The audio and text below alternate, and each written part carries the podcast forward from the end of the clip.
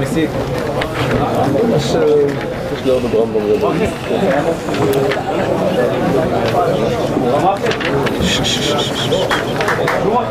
אוקיי. מבחינת סדר הלימוד של משנת הרב סולובייצ'יק, לא היינו הולכים עכשיו לספר על התשובה, בשל העובדה שעל התשובה הוא הסתעפות של משנתו. היינו הולכים ללמוד עכשיו את פרק א' ופרק ב' בספר בראשית, ואת המשקל הגדול שהרב סולובייצ'יק נותן לפרקי הבריאה, עם הרבה מאוד השלכות ומשמעויות, זה אחד המקומות שהרב סולובייצ'יק נועץ הרבה מאוד ממשנתו. דקה שאלול, אה, מתאים שנעסוק בעל התשובה באלול, לא זו בלבד, אלא שדווקא גם יהיה מתאים לעסוק בפרק א' וב' פרק בספר בראשית עם פרשת בראשית, פרשת נוח, כן? כלומר, זה, לכן, משמיים, איזה משמיים? אה, לכן החלטנו פה אחד אה, שנעסוק בשבועות האלה קצת על התשובה ונרוויח עוד אה, כמה דברים מהצד. אבל אני אתן אה, שתי הקדמות. ראשית, האירוע. הרב סולובייצ'יק, אנחנו מכירים שני אירועים ענקיים שהיום מתנהלים בבית המדרש של ישיבת רבי יצחק אלחנן, בישיבה של ישיבה אוניברסיטי, עולם הישיבה, באודיטוריום, שאנחנו מדברים בנוכחות של 3,000, 4,000, 5,000 בני אדם. אני פעם עמדתי על הבמה הזאת, רק פחד שאף אחד לא ישב מול, כן, עם כיסאות ריקים, על זה, ואין לכם מושג איזה... אלה היו, אחד זה מה שנקרא ביום הזיכרון של אבא שלו, דבר שהוא יותר למדני, שיצא לאור בשיעורים לזכר אבא מרי, והדבר השני זה דרשת התשובה. עכשיו, דרשת התשובה, קודם כל צריך להבין שספר על התשובה הוא אולי חמישה אחוזים מהדרשה. כן, כל דרשה שיש. מבחינת זה, זה לא ספר של הרב סולובייצ'יק. זה ספר שהוא תקציר של תקציר של תקציר. דרשת התשובה הייתה כחמש שעות. חמש שעות רצופות, ואף אחד לא היה זז, ואף אחד לא היה קם, ולא היה פלאפון, ולא היה שירותים, אנשים היו מרותקים גם. הרב סולובייצ'יק היה רטוריקן בצורה בלתי רגילה, לא יודע אם שמעתם אי פעם קלטת שלו, זה, גם אם אתם לא מבינים, לא אנגלית ולא יידיש, אה, בשפה שמדבר, זה, היית שומע את הדרשה, אנשים היו יושבים אה, אה, שעות מרובות מאוד, ויושבים ועוסקים ושומעים את דרשת התשובה, היא בדרך כלל הייתה מתחילה בבירור למדני, והייתה לאחר מכן הייתה מתפתחת לשיחה, לשיחת מוסר וכדומה, אבל תבינו, זה חמש שעות, זה לא... נרצה לראות את הישיבה פה, לא יודע מה עושה, כן? חמש... אתם יודעים מה, חמש רבעי שעה רצופים, או משהו כזה, כן, כדי להבין, כנראה היה אירוע אה, אה, בלתי רגיל. לכן, ספר על התשובה, כפי שאמרתי, שמחולק לדרשות דרשות, זה בערך חמישה אחוז מהדרשה, כן? כלומר, צריך להבין, זה גם לא נעשה על ידי הרב סולובייצ'יק, למיטב זיכרוני זה נעשה על ידי שמואל אבידור הכהן, שהוא היה רב פה של כפר שמריהו, או טיפוס מיוחד במינו, זיכרונו לברכה, ו... ואז זה קודם כל לגבי המושג. לכן צריך לדעת שזה תקציר, תקציר, תקציר, תקציר. זו הערה ראשונה כאיזושהי פתיחה, איזשהו מפתח להבין את הספר הזה. דעקה, סליחה, באותו הקשר עדיין בפתיחה הזאת, אבל צריך לזכור שהשומעים היו לא תלמידי חכמים דווקא, כן? להפך, היה ציבור רחב מאוד. כלומר, זו דרשה שכוונה, בניגוד נניח לשיעורים לזכר אבא מרי, שכוונו לתלמידים, דרשת התשובה כוונה לעם. שתיים, במרכזה של דרשת התשובה בדרך כלל עמד רמב"ם. עכשיו, צריך להבין משהו אחד, דווקא היום מאוד מאוד מתאים, לאור מה שהרב אייל ביקש שתלמדו היום בגמרא, צריך להבין משהו מאוד מיוחד על, אה, על הרמב"ם, כן? כלומר, אה, גם זה ייקח הרבה זמן להסביר, אז אני אנסה להגיד זה הכי קצר שאני יכול, אוקיי? באופן כללי, עד לפני כ-200 שנים, היחס לרמב"ם היה כאל פוסק הלכה. כן, כלומר, אני מדבר כרגע בעולם הישיבות. פוסק הלכה, כתב, היו עוד הרבה ספרי פסקי הלכה, וגם הרמב"ם היה ביניהם פוסק הלכה. שולחן ערוך למשל, לקח את הרמב"ם הרבה פעמים כתשתית, אבל פסק לפי רש"י, לפי, סליחה, ראש, כדוע ריף, ראש, רמב"ם וכדומה, ועוד גם, האמת היא שעוד הרבה דברים אחרים. זאת אומרת, באופן כללי, היחס אל הרמב"ם היה כאל מי שפסק את הסוגיה להלכה בסופו של דבר. אני לא מדייק בדיוק מתי, זו שאלה היסטורית מרתקת, אבל בוודאי ובוודאי שבית פריסק אה, עשו שתי מהפכות גדולות ביחס לרמב"ם. או אני לא רוצה להגיד עשו, כדי, אתם יודעים, כל מילה שאתה אומר, כדי שזה יהיה מדויק, היו שותפים בשתי מהפכות גדולות ביחס לרמב"ם. מהפכה אחת, דרמטית מאוד, היא מה שאתם עשיתם היום בשיעור, שזו תוצאה של המהפכה הזאת, והיא הפיכת הרמב"ם מפוסק הלכה לפרשן. הרי מה אתם ניסיתם לעשות היום? אתם ניסיתם היום בין השאר לעשות איך הרמב... מתוך פסקי הרמב"ם לנסות להבין איך הוא למד את הגמרא. נכון? כלומר, פתאום הרמב"ם הופך להיות אשייה, ממש מרכז של פרשני התלמוד, לא של מי שכותב מה עמדתו בסופו של דבר, אלא הוא הופך להיות ממש יסוד הלימוד של ניסיון לשחזר מתוך מה שהרמב"ם לא כתב. הוא כתב רק את השורה התחתונה. מה הייתה עמדתו ביחס, נניח, מה שלמדתם היום, מצווה הבאה בעבירה? מה היחס ביחס לייאוש קני או לא קני? מה היחס, אה. איזה גרסה הייתה לו בגמרא? האם הגרסה שהייתה לו בגמרא לגבי לולב של אשרה ושל עיר הנידחת זה בגלל כיתותי כמכתת שיעורי או בגלל מצווה הבאה בעבירה, נכון? כל זה, זה ניסיונות לשחזר מתוך הרמב"ם איזה, עכשיו ניסיונות כאלה נעשו גם לפני 200 שנה, מגיד משנה, כסף משנה, זה כן, אבל להפוך את זה למרכז הלימוד שאין כזה דבר, בבית בריסק הכניס את הרמב"ם להיות, כמעט הייתי אומר, הראשון המרכזי ללימוד, ללימוד, ה, ללימוד הגמרא. שזה מהפכה דרמטית. קודם כל מבחינת מקומו של הרמב"ם. המהפכה העוד יותר גדולה ביחס לרמב"ם, זאת ההכרעה לדייק בכל מילה, בכל פסיק, בשאלת סדר ההלכות, מיקום ההלכות, בשאלה אם הרמב"ם אמר את המילה הזאת או את המילה הזאת, כלומר, כמעט הייתי אומר להתייחס לרמב"ם כמו שאנחנו מתייחסים אל, אל התורה שבכתב. אני כמעט מגזים. לא, אז להפך, אני כמעט לא מגזים.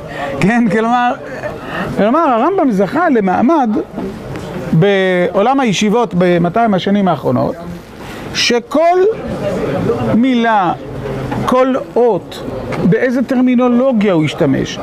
לא רק זה, סדר ההלכות, הכותרות, הכל מיני דברים מעין אלה, הופך להיות בעל משמעות. עכשיו, זאת הכרעה קדם טקסטואלית. אני רוצה להזכיר לכם שאפילו ביחס לתורה שבכתב, רבי עקיבא היה דורש כל תג, כל אות, כל זה, נכון? ורבי ישמעאל היה אומר, דיברה תורה כלשון בני אדם. זאת אומרת, אפילו ביחס לתורה שבכתב יש שאלה, איך לקרוא את התורה שבכתב. האם שכתוב, לך לך מארצך ממולדתך.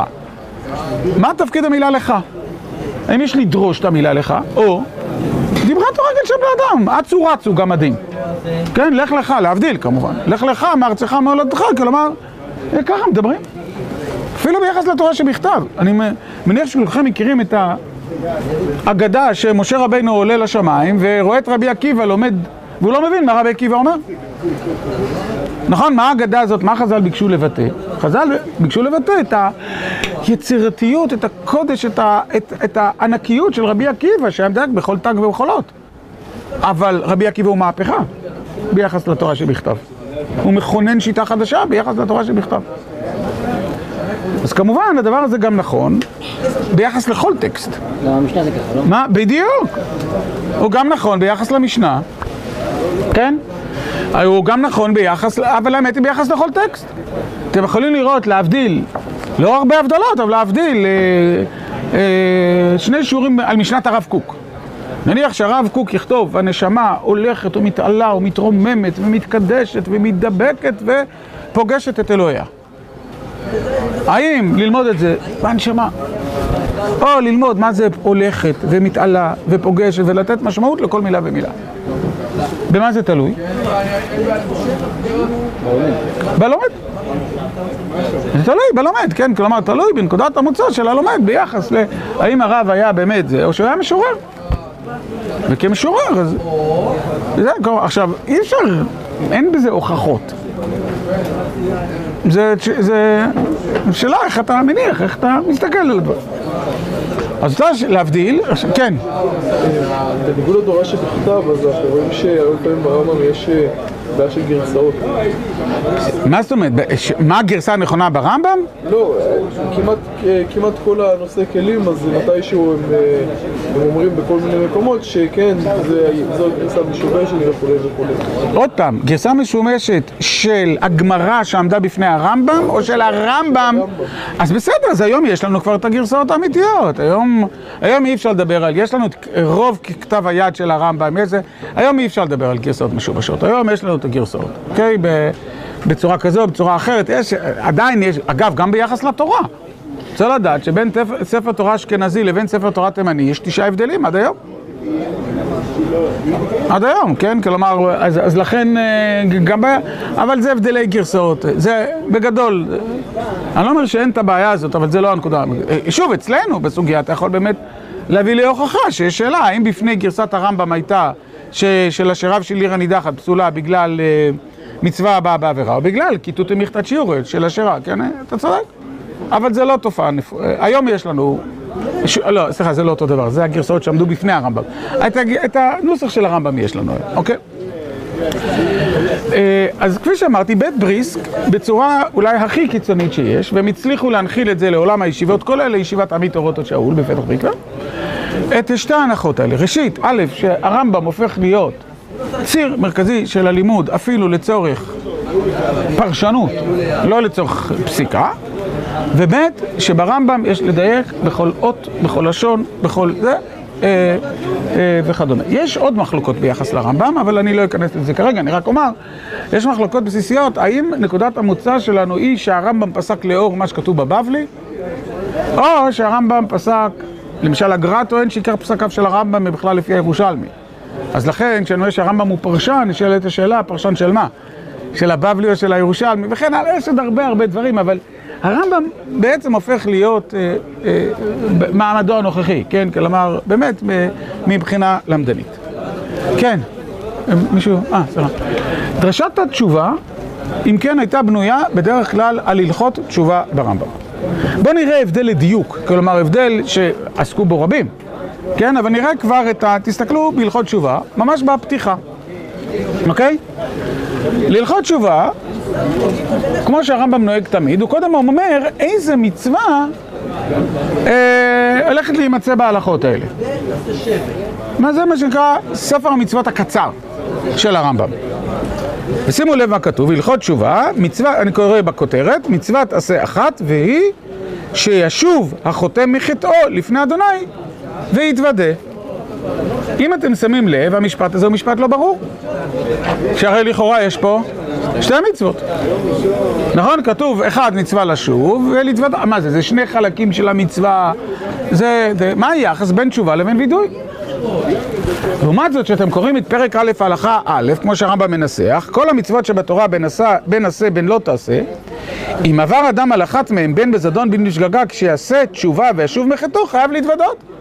אז זה כאן לכאורה, לפי פרק א' הלכה א', מה המצווה? המצווה איננה תשובה. נכון, המצווה היא וידוי. אתם מבינים שעל זה אפשר לבנות דרשה שלמה? דרשת תשובה שלמה של חמש שעות. מהי המצווה? מה היחס בין תשובה לבין וידוי? מה תפקיד הוידוי? ו- וכן הלאה וכן הלאה. כל זה בהנחה שמדייקים בלשון הרמב"ם. כן? כלומר שאתה ממש ממש ממש מדייק לשים לב להבדל בין הכותרת לבין הגוף. עכשיו, השאלה הזאת, אני לא יכול להגיד שהראשונים ששאלו אותה זה בית בריס, אבל הראשונים שהפכו אותה לשאלה הדרמטית בשאלה של יחסי תשובה ווידוי היו בית בריס, ובסופו של דבר, לפני כמה עשרות שנים, זה הפך להיות אחד בסיסי דרשות התשובה העמוקות ביותר.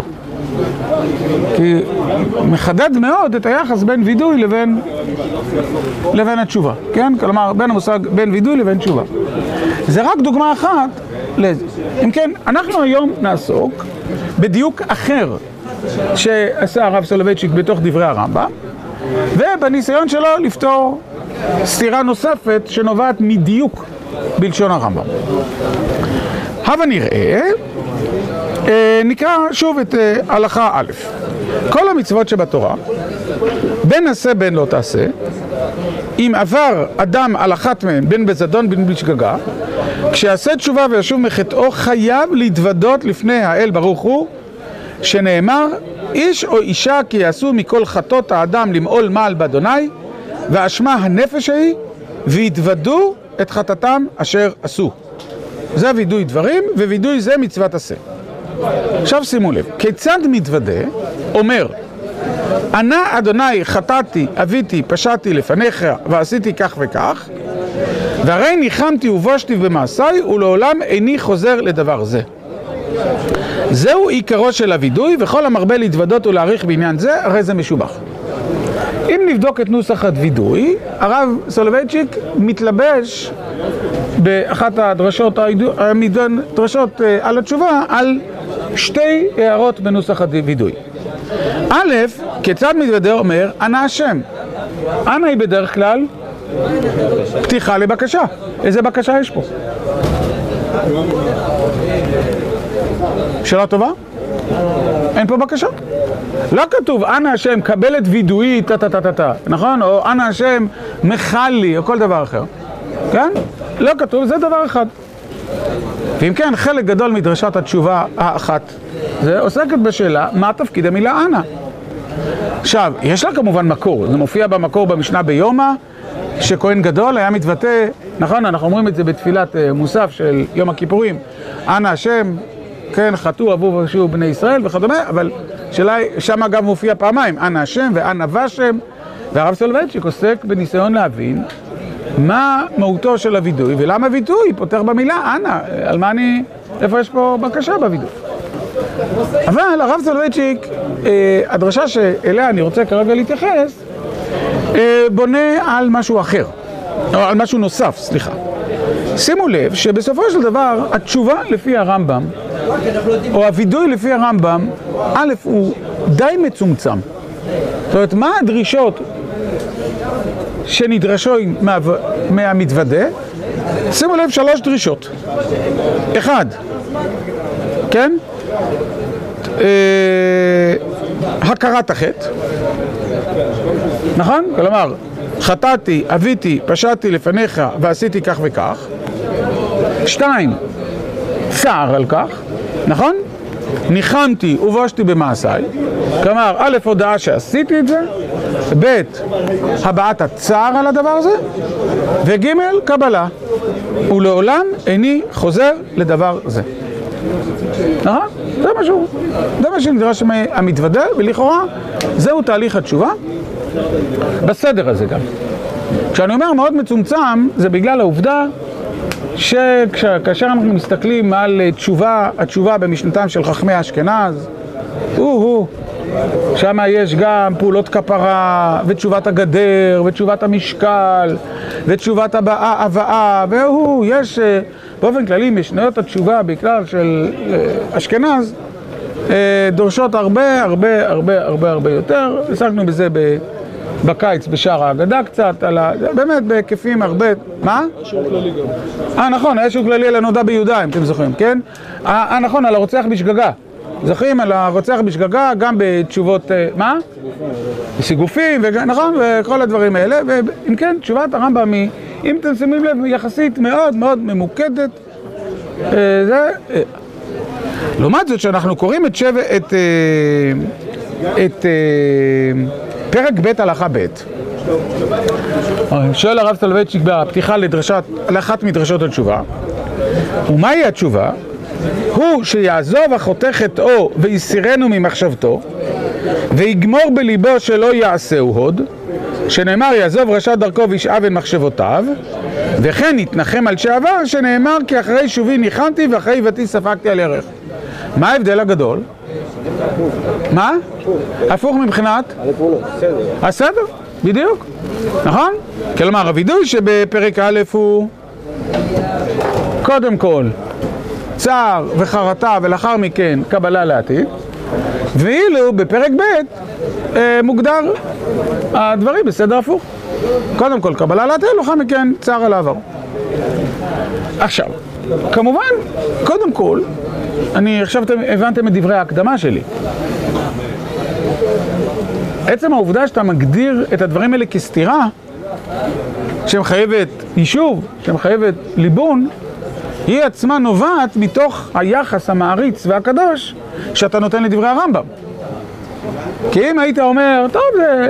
נניח, אני מעריך שאם היינו לומדים עכשיו שערי תשובה של רבינו יונה, לא היינו עושים את הדיוק הזה. כי בסופו של דבר, זה אותם מרכיבים, זה אותו עניין, זה זה, זה, סדר זה, סדר כזה. כלומר, יש פה הכרעה למדנית אה, עמוקה מאוד, מאוד אה, מאפיינת את... זה לא קשור, למש... השיעור שלנו על משנתו הקיומית של הרב סולובייצ'יק, זה לא קשור לקיומיות, זה קשור ללמדנות, לבריסקאיות, כן? אבל בכל זאת צריך לשים לב לנקודה הזאת. עכשיו, את השאלה הזאת היה אפשר ליישב בדרכים שונות. למשל, לטעון שהסתירה בכלל לא מתחילה. כי בפרק א' מדובר על נוסח הווידוי, ובפרק ב' מדובר על, תסתכלו את הכותרת של הלכה ב', פרק ב' הלכה ב', מהי התשובה? ואז יכול להיות שתשובה מתחילה בקבלה לעתיד, זה אבל כשמגיע לווידוי, מתחיל בחרטה לעבר. אבל גם תשובה כזאת מחייבת הסבר למה. מחייבת הסבר למה. למה יש... אם זאת הייתה התשובה, שהיא באה ואומרת, תדעו לכם, תהליך התשובה זה קודם כל תקן, אל תעשה. לאחר מכן תתחיל להתמודד עם העבר, וכשאתה מתמודד עם העבר, אז תגיד וידוי, ואז בתוך הווידוי תתמודד קודם עם העבר ואחר כך עם העתיד. בסדר, זה היה יכול להיות יישוב, והיה אפשר לעשות כאן אה, יישוב. אבל, והאמת היא שזה גם היה יכול, היישוב הזה גם כן, לדעתי, אם הייתי אומר אותו לרב סולובייצ'יק, הוא היה מקבל אותו. מה אבל ייחודו של הרב סולובייצ'יק בעל התשובה כבעל מחשבה קיומית? לפי מה שלמדנו בפעם הקוד... בפעמים הקודמות על מושג של מחשבה קיומית, הרב סולובייצ'יק כמובן ינסה לא לש... לשאול למה הקדוש ברוך הוא דורש קודם את זה ואחר כך את זה וכדומה, אלא הרב סולובייצ'יק. ישאל מה קורה לנו? מה גורם לנו להתחיל תשובה בתהליך קודם כל של חרטה על העבר? ומה קורה לנו להתחיל תהליך תשובה בקבלה לעתיד? מהם מצבי הרוח? מהם סוגי האופי? מהם סוגי הנפש? כי הרב סולובייצ'יק, כפי שאמרנו, מתבונן אל האדם השב. לא לא אל אידיאולוגיות, אידיאולוגיית התשובה או תיאולוגיית התשובה, אלא מתבונן על מי אני, מה, מה תהליך ההתקרבות, ההתעלות, הניקיון, העבודה שלי מול הקדוש ברוך הוא. זה, זה המקום שהרב סולובייצ'יק נותן את ליבו, בטח בדרשת התשובה, שבדרשת התשובה המטרה היא לא כרגע ללמד רמב"מים קשים, אלא לנצל את הרמב"מים הקשים ואת הסתירה ביניהם כדי להפך את הלב של אנשים. כדי לגרום לאנשים לחוש את מסלול התשובה שמתאים להם, שנוגע בהם, שיהפך אותם, שיקרב אותם לריבונו של עולם. ואז אתם מבינים שזה מאוד מאוד מתקשר למה שאנחנו לומדים השנה, והיא, והוא, סליחה, משנתו הקיומית של הרב. כן, הניסיון. לכן זה מה שהרב עושה בעל התשובה. אלא שהרב בעל התשובה איננו מחלק בין תהליך התשובה ובין הווידוי, אלא חלוקה בריסקאית ידועה שנקראת צווי דינים. כלומר, הרב מחלק בין שני סוגים של טיפוסים. כל אחד מאיתנו יתחבר לאחת התשובות האחרות. וכך מבאר הרב. תשובה יכולה לנבוע משני מקומות מאוד עמוקים בנפש. אחת, מכך שהחטא מתגלה לאדם כחוויה מאוסה.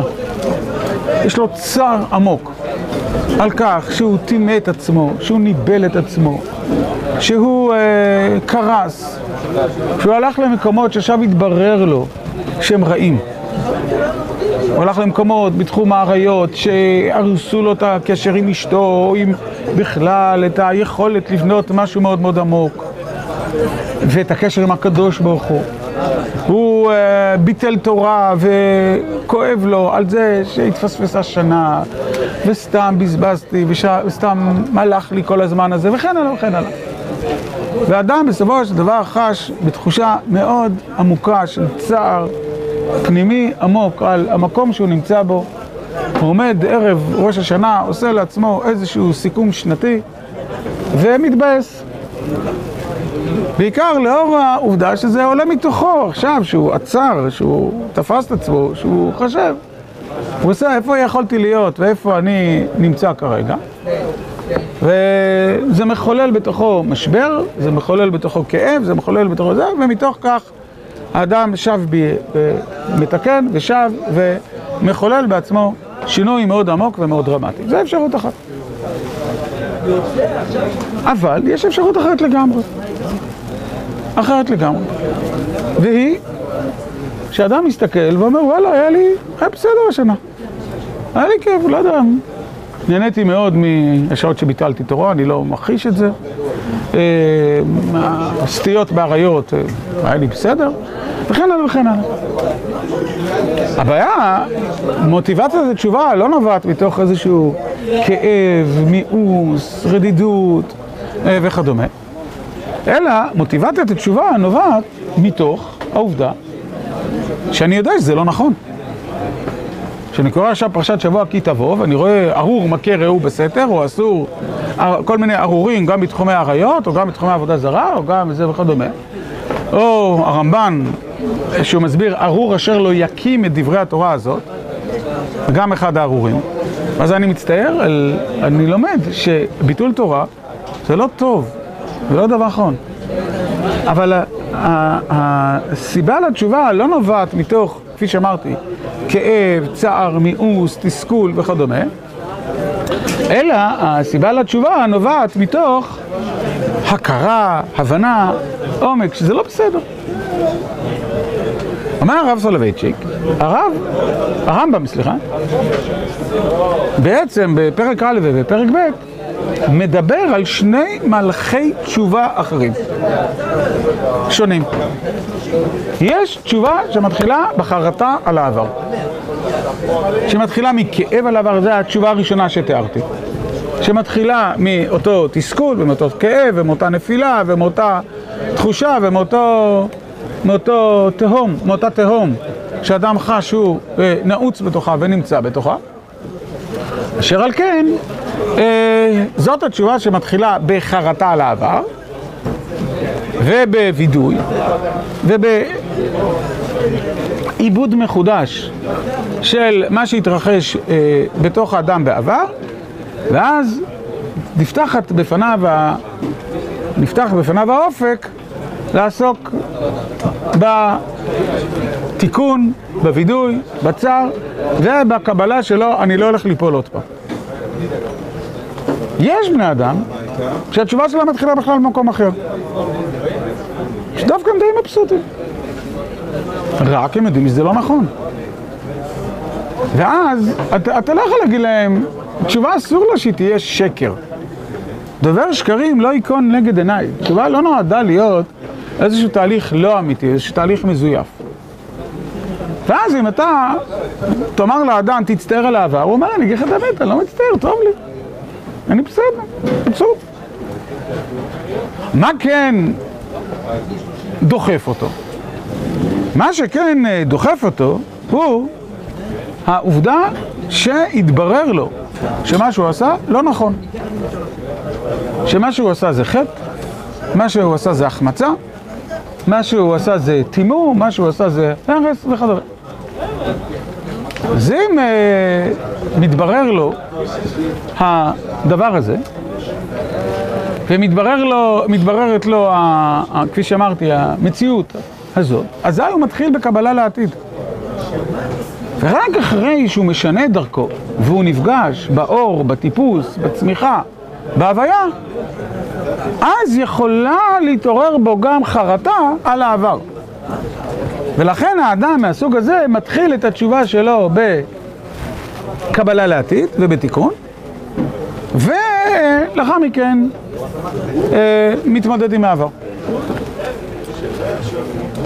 עכשיו, אני, אני רוצה לומר שתירוצו של הרב סולובייצ'יק הוא לא הכרחי.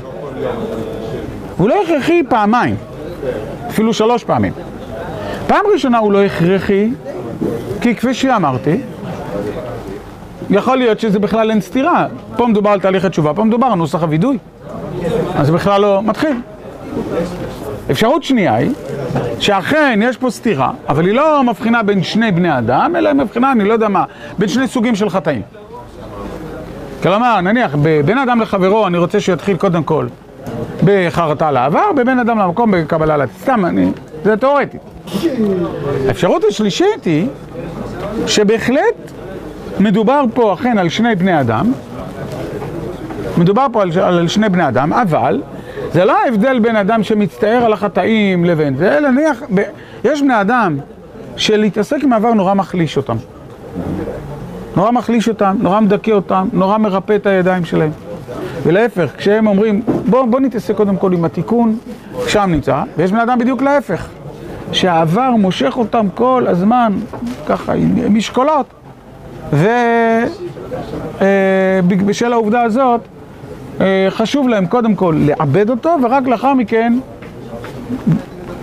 נולד, נולדת בהם האפשרות להיפתח אל העתיד. זאת אומרת, יכולים להיות תירוצים שונים ל, ל, לרמב"ם הזה, אוקיי? מה שאני מבקש לטעון, זה לא שהטיעון של הר... של הרב סולובייצ'יק הוא היחידי האפשרי כדי ליישב את הרמב"ם. אני גם לא מתכוון אפילו לטעון, ולדעתי גם הרב... זאת אומרת, מה שאני טוען הוא לא חשוב לחלוטין. אני אנסח את המשפט הזה הפוך. לא הפוך, אחר. אני חושב שהרב סולובייצ'יק לא מתכוון לטעון שזה התירוץ היחיד האפשרי ברמב"ם. לא, כך, כך נראה לי.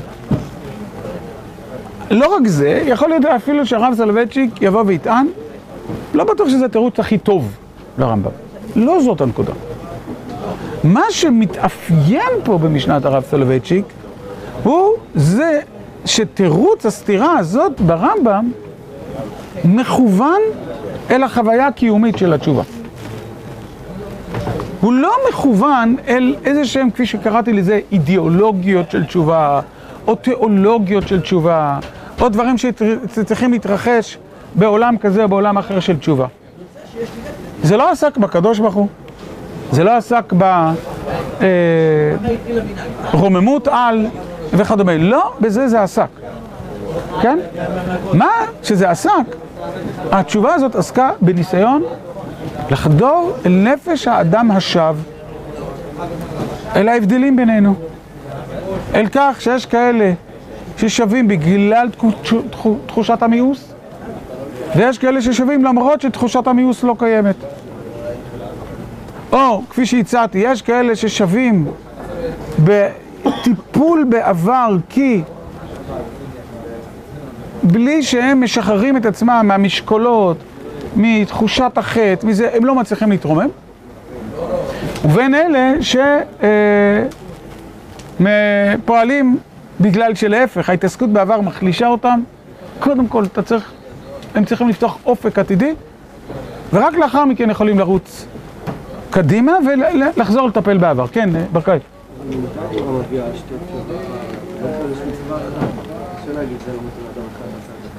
אני לא בטוח שאתה צודק. לא בטוח שאתה צודק. דווקא בתחומים כאלה אתה מוצא הרבה פעמים, למשל, כל נושא, פרשת שבוע לגבי נדרים. נכון? התורה מצד אחד אומרת וכי תדע לנדור לא יהיה בכך חטא. כלומר, התורה מכוונת במובן הזה, היא לא אוהבת נדרים. מצד שני, היא מאפשרת לנדור. קורבנות. בדיוק, זו המילה הבאה שרציתי לומר, קורבנות, לרצונו. יש אנשים שלרצונו להביא קורבן, ויש אנשים שלא לרצונו להביא קורבן. כן, כלומר, יש... פרשת מלך. מה? פרשת מלך. זה אני לא בטוח, זה לא, זה מחלוקת אם זה רשות או מצווה. אוקיי, לפי מי שאומר שזה רשות, אז יש שתי אפשרויות, הנה, נכון, נכון, אתה צודק. זאת אומרת, יש בתורה גם אה, מהלכים שכאלה, בוודאי, יאמר לך הרמב"ם, כאשר אתה עוסק בכל אותן מצוות שמכוונות אל הלב, אתה לא, אתה לא יכול, הייתי אומר ככה, אתה לא יכול להגיד שיש בני אדם שונים ולהגיד שהם צריכים לקיים את אותן מצוות ליביות. מעשיות כן, תפילין כן, אבל ליביות, כי, כי ברגע שהלב מזויף אז, הוא, אז זה זיוף, זה לא הלב, כן? בכל מקרה, אה, אז המקסים, אם כן, במשנת הרב סולובייצ'יק היא שהוא אמנם בא מ... מהרמב"ם כעולם של ההלכה, אבל בתוך הרמב"ם עצמו הוא קורא את הרמב"ם, לפחות בהלכות תשובה, כהלכות המכוונות לקיומיות של האדם, לשאלה מהי התנועה הנפשית שקיימת בתוך האדם עצמו, ומהי התשובה המכוונת אליו, ועל ידי כך הוא מיישב את הסתירה הזאת ברמב"ם, ופותח פתח לבני אדם שמרגישים צורך להתמודד עם העבר קודם, לעשות זאת בדרכם, ולבני אדם שדווקא התמודדות עם העבר מחלישה אותם, ופתיחת אופק התיקון הוא זה שמרומם אותם, לעשות את זה בדרכם שלהם. את אלה שמתחרטים אל החטא, לעומת אלה שיודעים שהוא לא טוב. וכל הדבר הזה ביחד הופך להיות בעצם קריאה גדולה להתאמת התשובה לתוך העולם הנפשי, הרוחני, האישי, המיוחד לך, בדרכה של שמירת ההלכה של הלכות תשובה. אוקיי? אז זו דוגמה מאוד יפה. לא, בדרך הזאת הולך כל ספר, כל החיבור הזה של אורות התשובה. כן? כל החיבור הזה של אורות התשובה. סליחה, על התשובה. כל החיבור הזה, ולא זו בלבד, אלא שאנחנו נראה שאחד ה... מה שאנחנו כל הזמן מדברים על הדיאלקטיקה, כלומר, כמעט כל דרשת תשובה מציעה שתי דרכי תשובה, מתוך דיוק ברמב"ם. כן? מציעה שתי דרכי תשובה, מתוך דיוק ברמב"ם, מתוך לימוד ברמב"ם, מתוך...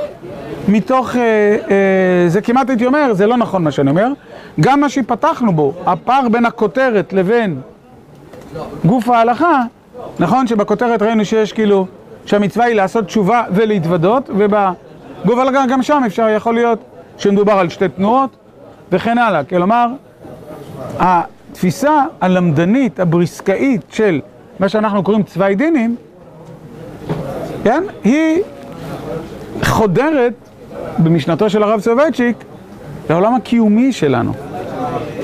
כן. לא, זה בדיוק. אם הייתי יושב מול הרב סולובייצ'יק, אני מעריך מה שהוא היה עונה לי.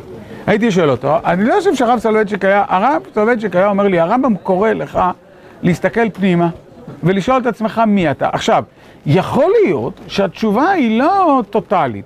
יכול להיות נניח שבענייני בין אדם לחברו, אתה מתחיל בצער גדול על העבר, שהסתכסכת וכזה, ולעומת זה בין אדם למקום, אתה אומר, האוכל הלא כשר שאכלתי היה טעים, אני לא מצטער עליו, אני רק יודע שזה לא היה נכון, אז בגלל...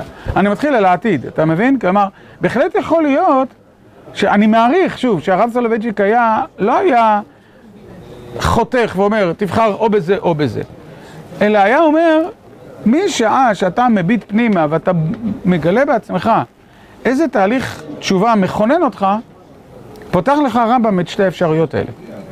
והאם ללכת במסלול הזה או ללכת במסלול הזה. ככה אני מעריך שהוא היה עונה, אני לא יודע. תלוי בחטא, כי יש חטאים שגורמים לך באמת ל... זה מה שאמרתי, אמרתי את זה מקודם, נניח בין אדם לחברו, בין אדם למקום, בוודאי, בוודאי. אז זו דוגמה מאוד יפה לראות איך המחשבה הקיומית חודרת גם לתהליכי תשובה, לענייני תשובה, לאורחות תשובה, לצדדים מעשיים של תשובה. טוב, בעזרת השם, שבוע הבא נמשיך בזה. בסדר? אני מצטער על השינוי, יש חתונה ערב, אתם מכירים אותו, לא? אתם לא מכירים?